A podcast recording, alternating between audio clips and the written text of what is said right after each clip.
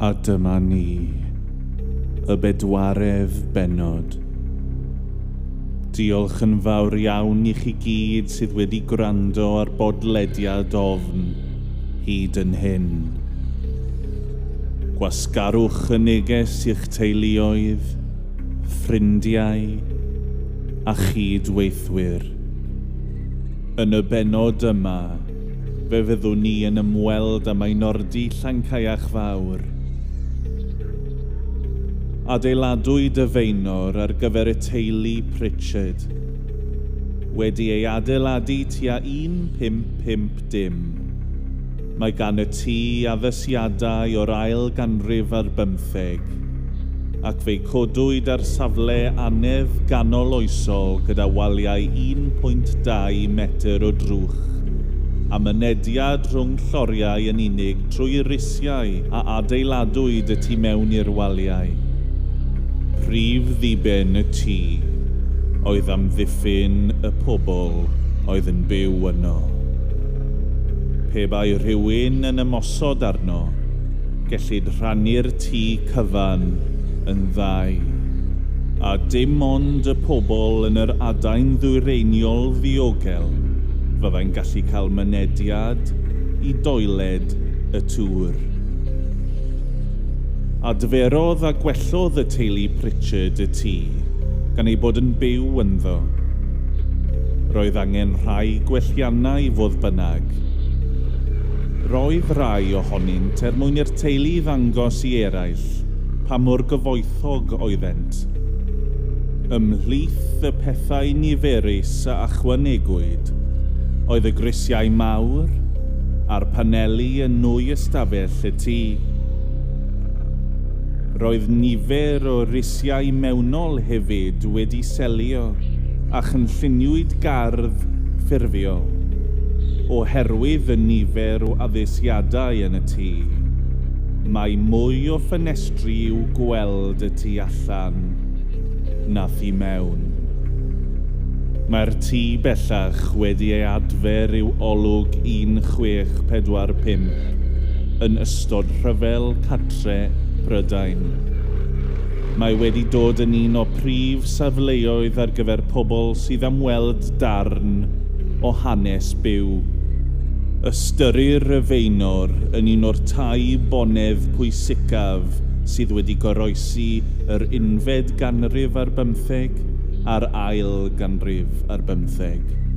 Mae bellach ar agor i ymwelwyr fel amgueddfa hanes byw ers i'r lle droi i fod yn amgueddfa, mae'r staff sydd yn gweithio yno wedi profi sawl peth hynod ac anesboniadwy dros y blynyddoedd.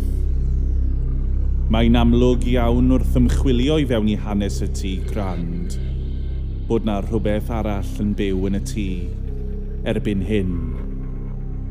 Ysbrydion. Ar gyfer y benod yma, cefais i gyfweliad gyda un aelod o staff y tŷ crand. Fyddwn ni'n clywed am ei brofiadau e gyda ysbrydion y tŷ, yn geiriau ei hun. Croeso i ofn.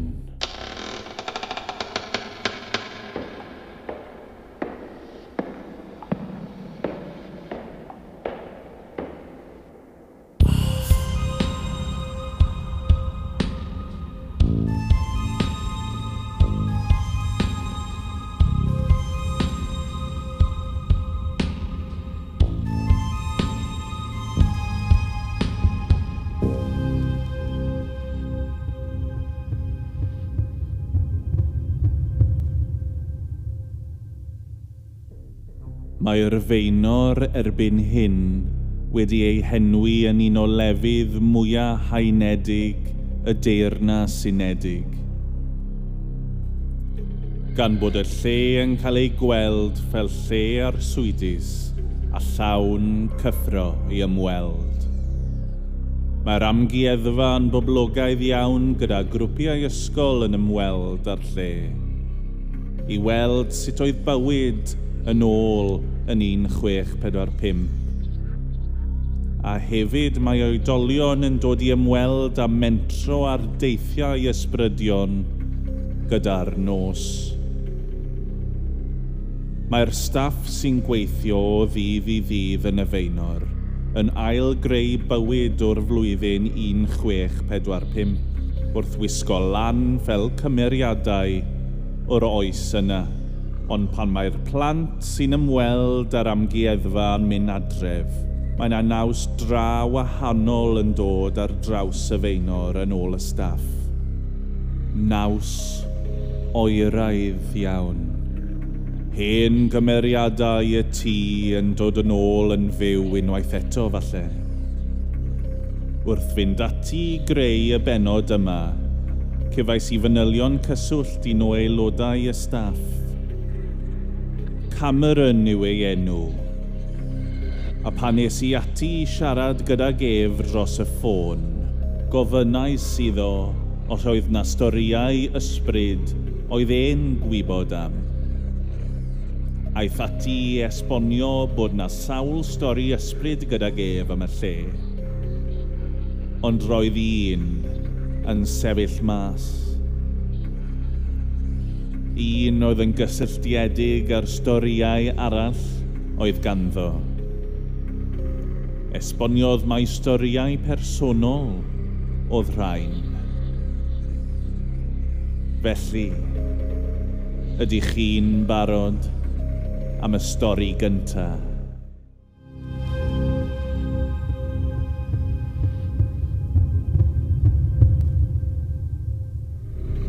Since working there, since 2013, I've seen a lot of people experience several things. I've conducted several ghost tours. The place definitely has a different atmosphere than anywhere else I think I've ever been. And I've, I've been to a lot of historic locations. It has a different energy every day. Essentially, some days you'll walk in and it will be the most lovely, inviting house. And then other days you'll walk in and you will just get the feeling that something doesn't want you there. And I felt like that several times, but the one occasion that really stands out to me, that really sort of made me a believer, was I was stood at the time in one of the old bedrooms, which had a separate bedroom right above and a small fire escape staircase connecting the two bedrooms. I was stood there, it was the middle of the day, and I was waiting for a tour group to come in and join me and my colleague, Sarah, comes running down the stairs and says, Oh, you've got to come upstairs real quick. So I think perhaps something's knocked over, somebody's fallen. So I rush upstairs and we entered what at the time was the children's bedroom, where there is a small doorway leading into the attic. And the door of the attic was shaking, and I mean pounding as if sort of a grown man was stood on the other side. No, no words, but this heavy knock, heavy thudding on the door. The door was barred from the from the other side, and the door was shaking repeatedly. So I run over thinking someone's gotten themselves trapped, someone's wandered off from a group and got themselves stuck up the attic. So I run over and I undo the beam of the door. So we have a cross beam that holds the door shut. And as I was unlocking the door, I could feel the pressure of someone banging up against it. It wasn't just a breeze, it was certainly, it was thudding. I undo the beam. I open the door. There is no one on the other side. I think perhaps they've got spooked and run back up the staircase to the attic. I run up the stairs to chase them, complete darkness. There's only one tiny window in that room. I run up the stairs in total darkness and arrive in the attic, and there is no one there. The room is completely empty. And at the time, before the house was renovated, you couldn't have actually stood in the attic for too long as the floors were unsafe and you would have come falling straight through. And as I came back down the staircase, really at a loss to explain to my colleague what had happened, that's when I realized that there is actually no door handle on the other side of the door. So, as me and my colleague had entered the room and seen the door handle turning and someone trying to unlock the door, there would have been no way to have done that from the other side facing the attic, and there also would have been no other way in or out of the attic room bar that door. So that I simply can't explain.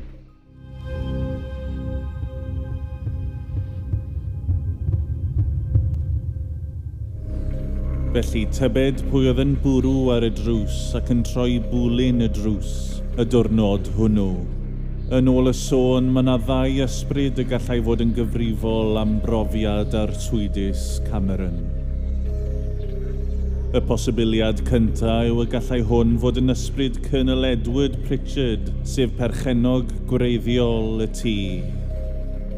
Yr ail bosibiliad yw'r dyn mewn dŷ.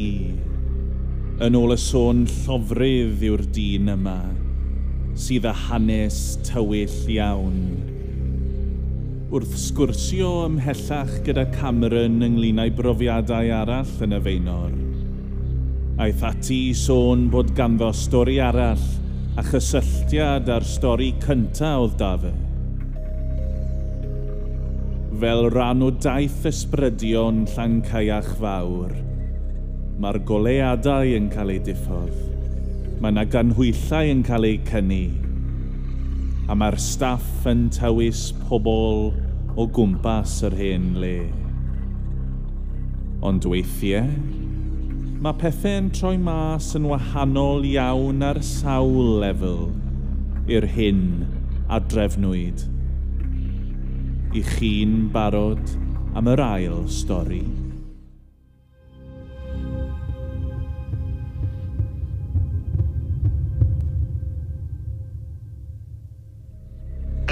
Part of my job as a historic interpreter, we do conduct ghost tours. Uh, this year, we're conducting them throughout autumn. Normally, in the day, we have a full living history experience where a visitor would come in and they would be treated as if they were a visitor in the 17th century, as we are. Wales is, I think, only living history museum at the moment that is a fully working house, and you would have seen it as it would have been in the year 1645. But on ghost tours, we extinguish the fires, we put out the lanterns, and we turn off the electricity of the house. And we take visitors around in by candlelight, tell them of the different experiences in each room. And also, it's always a member of staff conducting a ghost tour, so we always like to tell our personal experiences. And I was stood once again in this bedroom that used to be the children's bedroom and I was talking and telling the group assembled about the story of my experience with the door. And for demonstration, I unbarred the door and I opened it to show them that there is no door handle on the other side of the door. And there's a small light bulb on the attic stairs, which should not have been on. The power to the house was completely cut. But as I opened the door, the light started flickering, and quite loudly when you start to hear a fuse dying, this light was flickering and could not explain it. We said to people this should not actually be happening at the moment. There is the mains are turned off in the basement downstairs. There's no reason this light should be on, but this light, one solitary light bulb, was flickering on and off. Uh, and I just felt as the same experience that I had felt when I felt the thudding on the door, just this sort of, you know, hair stood on end and did not want to be there.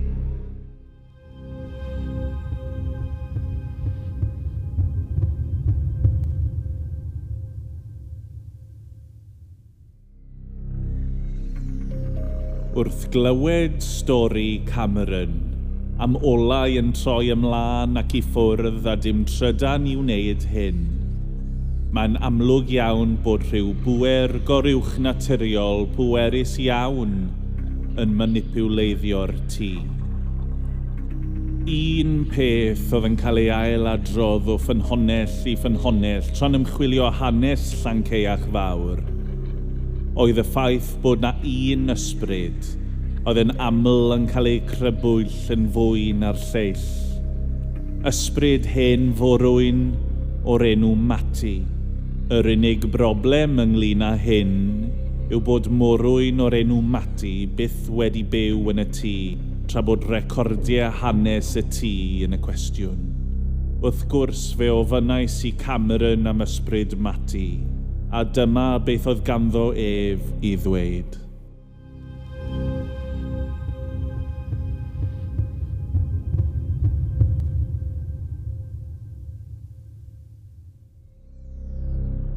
One name that keeps being brought up frequently by psychics and mediums is the name Matty, who they describe in visitations, and she has been sighted around the house. And I've had children on a group trip, on a school trip in the day, have told me that they um, they've spoken to a Matty, and we don't have any character by the name of Matty. She is described as wearing a long Victorian gown, and unfortunately, throughout the Victorian period, we really don't know who's living at Llan Vow, the family or their members of staff. It's a mystery. There aren't many records at all. So there could well have been a housekeeper named Matty that did pass away, unfortunately. A lot of psychics and mediums have said that they get the vibe from her that um, perhaps she died unexpectedly, perhaps she ate something bad and got ill, or perhaps she died in a fire. A lot of people have smelt burning, a lot of people have felt distressed when they've seen her, when they've had sightings of her. Um, another point of evidence is we know at some point in the 1900s the fireplaces in the kitchen were all bricked up, leaving the kitchen unusable and we have no idea what would have caused a family to do that. So a lot of people have said that Matty is one of the residents, the housekeeper. Um, I've had people from outside the house, um, elderly people in the community, have also commented that even their parents told the story in the 50s and the 40s of, you know, be good or Matty from Lancaster will come to get you. So there's certainly something in the local community that's stuck on.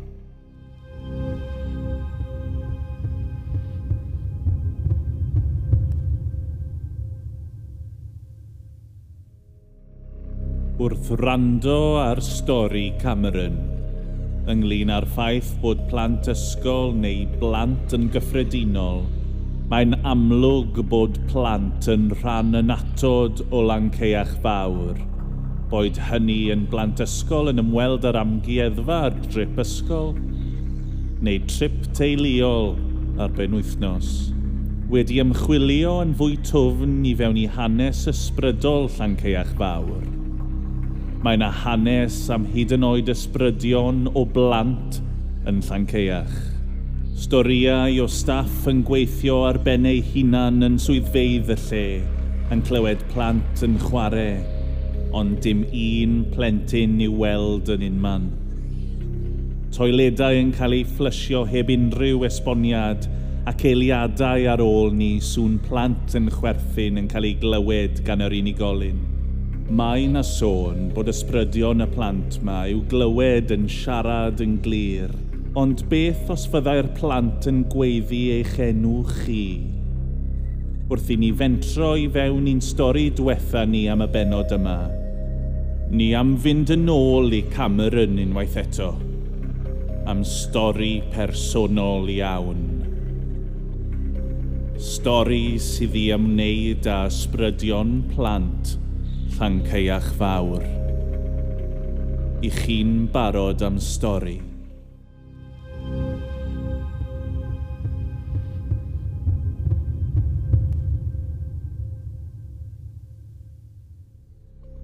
Another experience a lot of people have seen and heard are what they have assumed to be children. Um, some people have seen children late at night in the gardens. Some people have heard children not only in the manor house but in the cafe. They've heard a group of children where there were no groups of children. They've heard it in the garden. They've heard it around the park where we sort of leave our trash cans. And I remember one incident where I was cleaning the staircase. I was in character. I was in full costume again during the day. It was around Christmas time. I was sweeping the staircase and I heard my name Cameron be called from downstairs. And it sounded like a child's voice, or it could have been a young woman's, but I felt as though it was a child's voice calling Cameron. And I walked upstairs, but what didn't occur to me at the time is that while we're in the manor house and reenacting and conducting, we are referred to by different names because we're pretending to be servants in the 17th century. So my name in the house is Matthew. So no one, none of my members of staff would address me as Cameron. They would call me Matthew. And when I arrived downstairs, I said, Did anyone call me? And they said, No, no one called for me. No one said the name Cameron. And there weren't any children in the building at the time. So that's always stuck with me, that incident.